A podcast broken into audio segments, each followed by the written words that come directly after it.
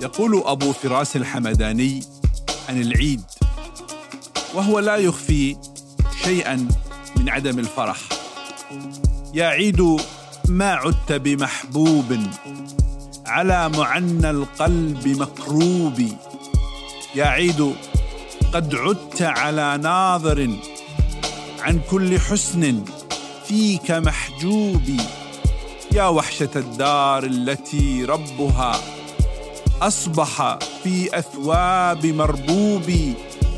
قد طلع العيد على أهله بوجه لا حسن ولا طيب.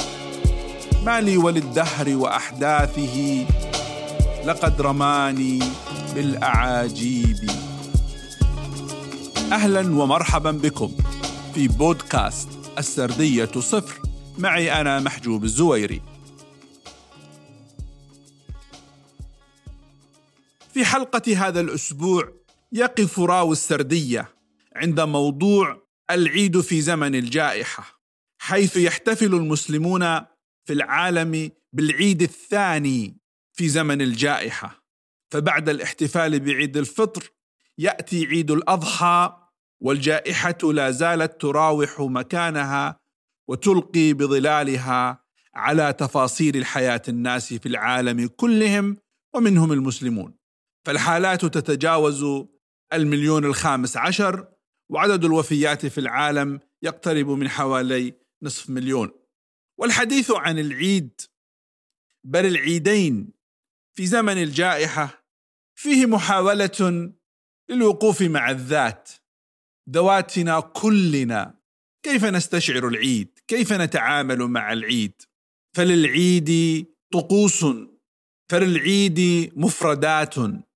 فللعيد برامج فللعيد تفاصيله والتي بلا شك اضطر المسلمون وغيرهم خلال الأشهر الماضية إلى تجاوزها. فالصينيون في رأس السنة الصينية اضطروا أن يوقفوا الاحتفالات وكذلك تأثرت احتفالات رأس السنة الميلادية وكذلك تأثرت احتفالات رأس السنة الإيرانية. والمسلمون تأثرت أعيادهم الأساسية وهما عيد الأضحى وعيد الفطر. وخصوصية عيد الأضحى كبيرة. فعيد الأضحى يأتي شأنه شأن عيد الفطر بعد عبادة ألا وهي الحج. لكن الخصوصية تأتي بكونه يشكل ملتقا إلى ملايين المسلمين في العالم في البقعة المقدسة في البيت الحرام. فجائحة كورونا منعت ملايين المسلمين عبر العالم من أن يحجوا بيت الله الحرام وهذا في حد ذاته حدث تاريخي ستقف عنده ويجب أن تقف عنده الأجيال القادمة وحتى هذه الأجيال وتحفره في الذاكرة وتكتب عنه. فما معنى أن لا يمارس المسلمون أو الملايين منهم الراغبين في ممارسة الحج أو الذهاب آه، لهذا الأصل والمرتكز الأساسي الذي بني عليه الإسلام ألا وهو الحج. ولذلك الحديث عن عيد الأضحى في زمن الجائحة يرتبط بالحج وخصوصية الحج. فالحج كثيرا ما نسمع بأنه مؤتمر يجمع المسلمين من كل أنحاء العالم بغض النظر عن ثقافاتهم، بغض النظر عن ألوانهم، بغض النظر عن غنيهم وفقيرهم، عن دولهم، يوحدهم حتى لو لو لو مده بضعة أيام من السنة. هذا المؤتمر العالمي هذا التجمع العالمي الذي يحصل في السنة مرة ويجمع المسلمين في هذا العام لم يحدث واكتفي بعدد محدود من الذين سمح لهم بالحج وهم في الغالب من داخل السعودية بشكل أساسي ولذلك الحديث عن العيد وخصوصية الحج ثم العيد بحد ذاته كما قلت له خصوصيته من حيث التواصل. كنت قد ذكرت سابقا في الحلقة الخاصة عن عيد الفطر بأن العيد قائم على فكرة التواصل والتعامل مع الجائحة قائم على فكرة التباعد. وهذين نقيضين فالمناسبة التعبدية التي يحتفل بها المسلمون تقوم على فكرة أن يتقارب الناس، تقوم على أن يتواصل الناس، أن تقوم على أن يصلوا الرحم، يصلوا الفقير إلى غير ذلك مما نعرفه. ولكن هذه الجائحة تقول وتفرض على الناس أن يتباعدوا وتقول لهم أن في تباعدكم السلامة. وهذا يصعب على النفس بلا أدنى شك. ولذلك تجد أن كثير من الناس يصعب عليهم ان أنه لا يمكنه لا يتمكن في هذا الظرف من ان أن يقبل يدي والده أو والدته بسبب خوفه عليهم الحقيقة من هذا الفيروس. ولذلك عند التفكر في في أثر الجائحة على العيد هي في الحقيقة تهدم البنى النفسية والاجتماعية التي دائما تحفو لها النفس على الأقل في العام مرتين في هاتين المناسبتين العزيزتين.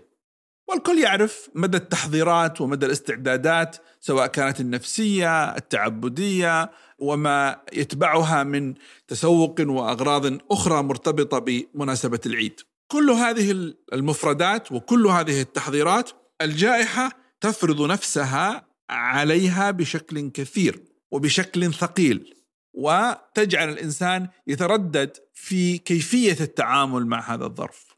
ربما الميزة أن المسلمين في العالم أخذوا دورة تدريبية في التعامل مع العيد في عيد الفطر وبالتالي أخذوا جرعة تدريبية إلى حد كبير ساعدتهم على توطين النفس في التعامل مع العيد وبالتالي الآن ربما يختلف تعاملهم مع الاحتفال بعيد الأضحى أضف إلى ذلك ولله الحمد عندما كانت مناسبة عيد الفطر كانت الجائحة في أوجها. نحن نشهد الآن آه، رغم تزايد عدد الحالات لكن آه، بشكل عام آه، هنالك تراجع في مستوى عدوانية الفيروس كما يذكر الأطباء. وهذا شيء إيجابي بمعنى آخر رغم زيادة عدد الإصابات لكن هنالك حالات شفاء متزايدة كثيرا. وهذا من فضل الله يعني يعطي أملا بأن يكون هناك تحسن عام في التعامل مع آه، أمر الجائحة. السؤال الأساسي ربما يتعلق بفكرة توازن، كيف يمكن أن نحقق التوازن بين فكرة الفرح والاحتفال بالعيد وفي ذات الوقت المحافظة على جميع التدابير التي من شأنها أن تحد من أي انتشار جديد للفيروس. تابعونا بعد الفاصل للحديث عن هذا الموضوع.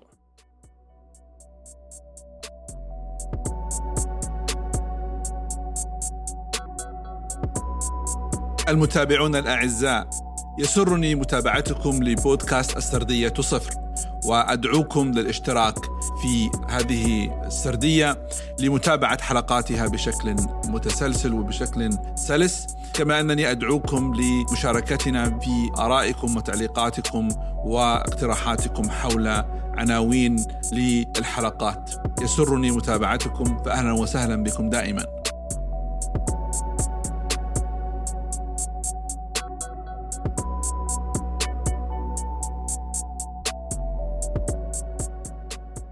قبل الفاصل كان السؤال حول تحقيق فكرة التوازن. بين الفرح والاحتفال وبين احترام التدابير التي من شأنها الحد من أي إعادة انتشار للفيروس في البدء لابد من التأكيد على أن الحرص على الفرح بالعيد أمر أساسي للصحة النفسية لنا جميعا ويجب أن نبذل في ذلك جهدا غير متكلف وغير ضاغط حتى لنظامنا العصبي.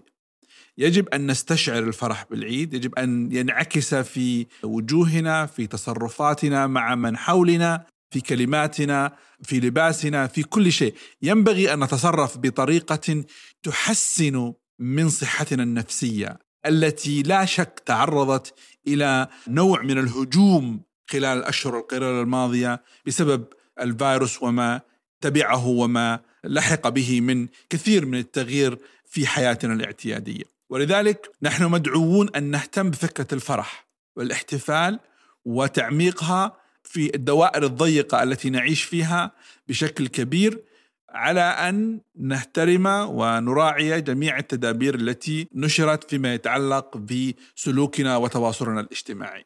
ليس هنالك مصلحة لأي إنسان في أن لا يفرح في العيد كما أنه ليس هنالك لأي مصلحة لأي إنسان لا سمح الله أن يعود الفيروس وينتشر من جديد وأن تعود حياة الناس إلى شهر مارس أو شهر أبريل والكل يعرف كيف كان أمر الجائحة في ذلك الوقت. لذلك فكرة التوازن مطلوبة فكرة الفرح ضرورية فكرة الشعور الحقيقي بالفرح والتواصل.